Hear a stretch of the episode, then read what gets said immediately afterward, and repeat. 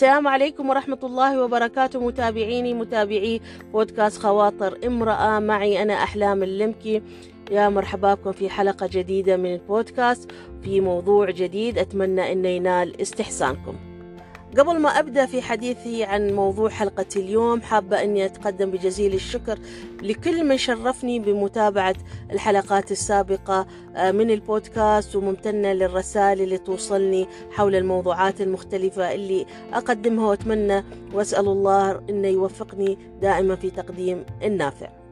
موضوع حلقة اليوم يمكن هو مش موضوع جديد أطرحها طرحته يمكن سابقا في مدونة مكتوبة ولكن حسيت أني حابة أني أسجل فيه اليوم لأنه يمكن تزامنت مجموعة مواقف في حياتي اليومية خلال الفترة الماضية وحسيت أني حابة أتحدث وأعيد الحديث في هذا الجانب وأعتقد يمكن هذا الموضوع راح يكون شوي موضوع فلسفي قد يرى البعض يأيدني ويمكن البعض الآخر قد لا يؤيدني في هذا الجانب.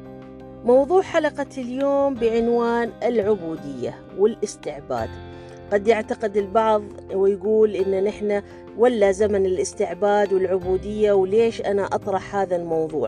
لكن اللي خلاني إني أطرح هذا الموضوع إني لاحظت هناك بعض الممارسات اللي يقوم فيها الأفراد.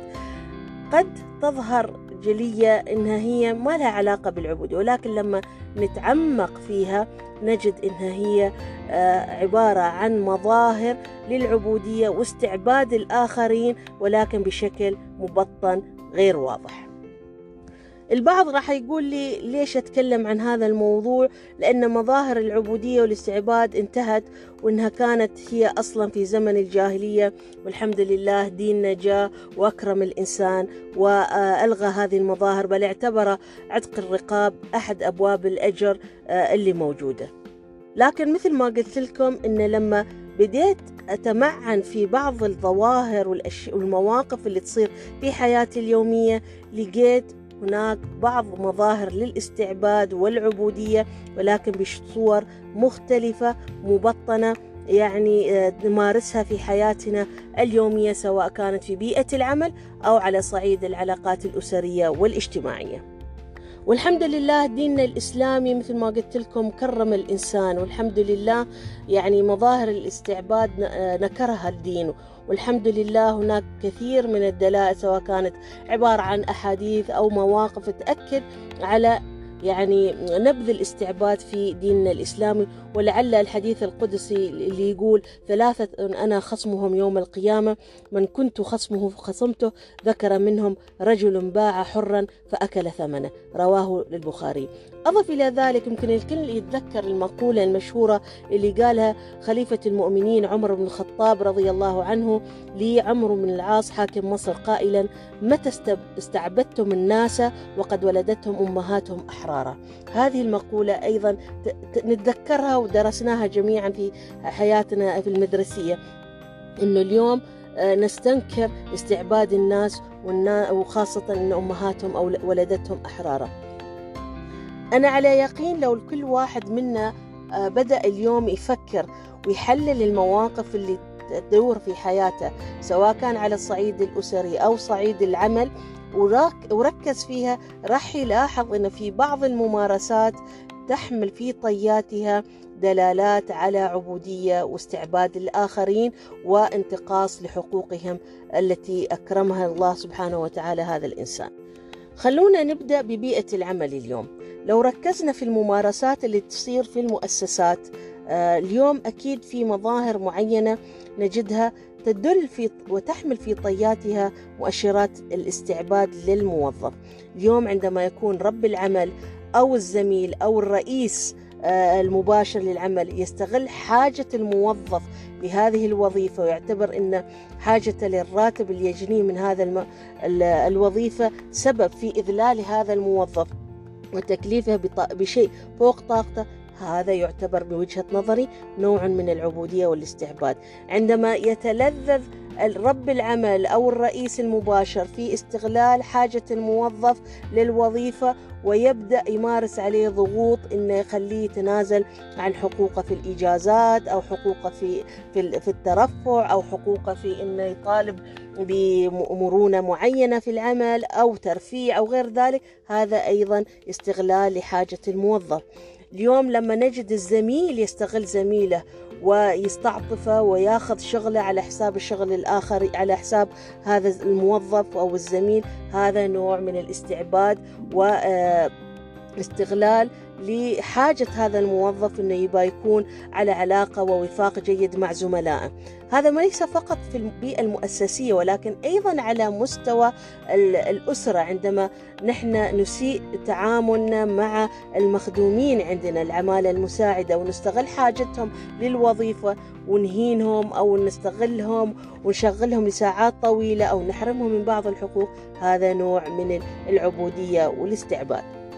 نوع آخر من العبودية والاستعباد نلاحظه في العلاقات العلاقات الأسرية والعلاقات الاجتماعية. عندما أتحدث عن العلاقات الأسرية أتحدث عن العلاقة ما بين الآباء والأبناء والعكس. اليوم نجد هناك فئة من الآباء والأمهات اللي يستغلون رغبة أو ظروف أبنائهم يستغلون حب الأبناء في بر والديهم ويحرمونهم من بعض الحقوق ويستغلون رواتبهم أو أنه مثلا يتأثرون على علاقاتهم في اختياراتهم. في الزواج أو غير ذلك أو يعني يأثرون ويقع هذا الابن أو الابنة في صراع كيف يوازن ما بين بره لوالديه وبين الحفاظ على آه، حبه لذاته وإشباع رغباته الشخصية أو علاقته الزوجية وغير ذلك. هذا نوع من الاستعباد من قبل الآباء للأبناء. استعطاف الأبناء ورغبتهم إن هم يبون يبرون أو آبائهم فتجعل الأبناء دائما يلبون احتياجات الوالدين حتى لو كانت هذه الاحتياجات آه، دون يعني مكلفة عليهم وعلى حساب رغباتهم وظروفهم الشخصية. وهناك الصورة العكسية أن نجد الأبناء يستغلون عطف الآباء ويستغلون وجود الآباء لمصالحهم الشخصية. اليوم الأب في بعض الأبناء آه، يعرفون إن الآباء والأمهات يعني يتمنون سعادة أبنائهم.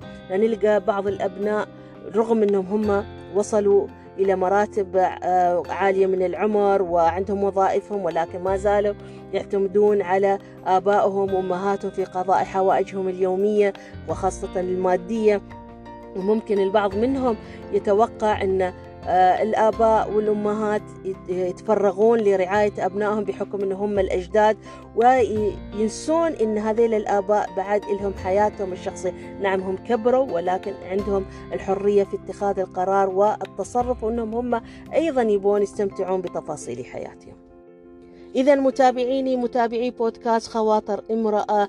حلقة اليوم الهدف منها أني ألفت النظر إلى بعض الممارسات اللي ممكن نحن نقوم فيها بطريقة مباشرة أو غير مباشرة وقد تدخل وتندرج تحت نوع من أنواع العبودية واستعباد الآخرين بطريقة غير مبطنة وهذه دعوة إلى أن نحن ننتبه. حتى في علاقاتنا مع بين الأصدقاء نجد هناك أحيانا بعض الأصدقاء يعني يستغلون حب هذا الصديق لأنه هو يبي يبغي أنه يكون يشعر بالانتماء ضمن هذه المجموعة ويتم استغلاله بطريقة غير جيدة واستغلال هذه الصداقة. إذا هذه هي رسالتي أن اليوم لو لابد إن نحن ننتبه لهذه المظاهر المبطنة من العبودية واستعباد لمشاء للآخرين. ونتذكر إن العيش بكرامة هي حق من حقوق الإنسان ولا حق لنا إن نحن نستغل حاجة الآخرين للإذلال بهم. لابد إن نحن نعيد النظر في تصرفاتنا نترك الحرية للإنسان أنه يقرر ما مناسب لأن اليوم إذا أنت أكرمت شخص الله سبحانه وتعالى راح يكرمك ويكرمك ذريتك. فبالتالي من المهم أن نحن نحسن في تعاملنا مع الآخرين سواء كان في بيئة العمل أو في كان في علاقاتنا على الصعيد الأسري أو على الصعيد المجتمعي العام. هذه هي كانت رسالتي اليوم في بودكاست خواطر امرأة. طرحت موضوع ممكن آه، مثل ما قلت لكم موضوع فلسفي ما أعرف إذا راح ينال استحسانكم ولكن يسعدني أني آه، أتلقى ملاحظاتكم وتعليقاتكم وأترككم بحفظ الله. إلى أن ألتقيكم في حلقة جديدة من بودكاست خواطر امرأة. معي أنا أحلام اللمكي.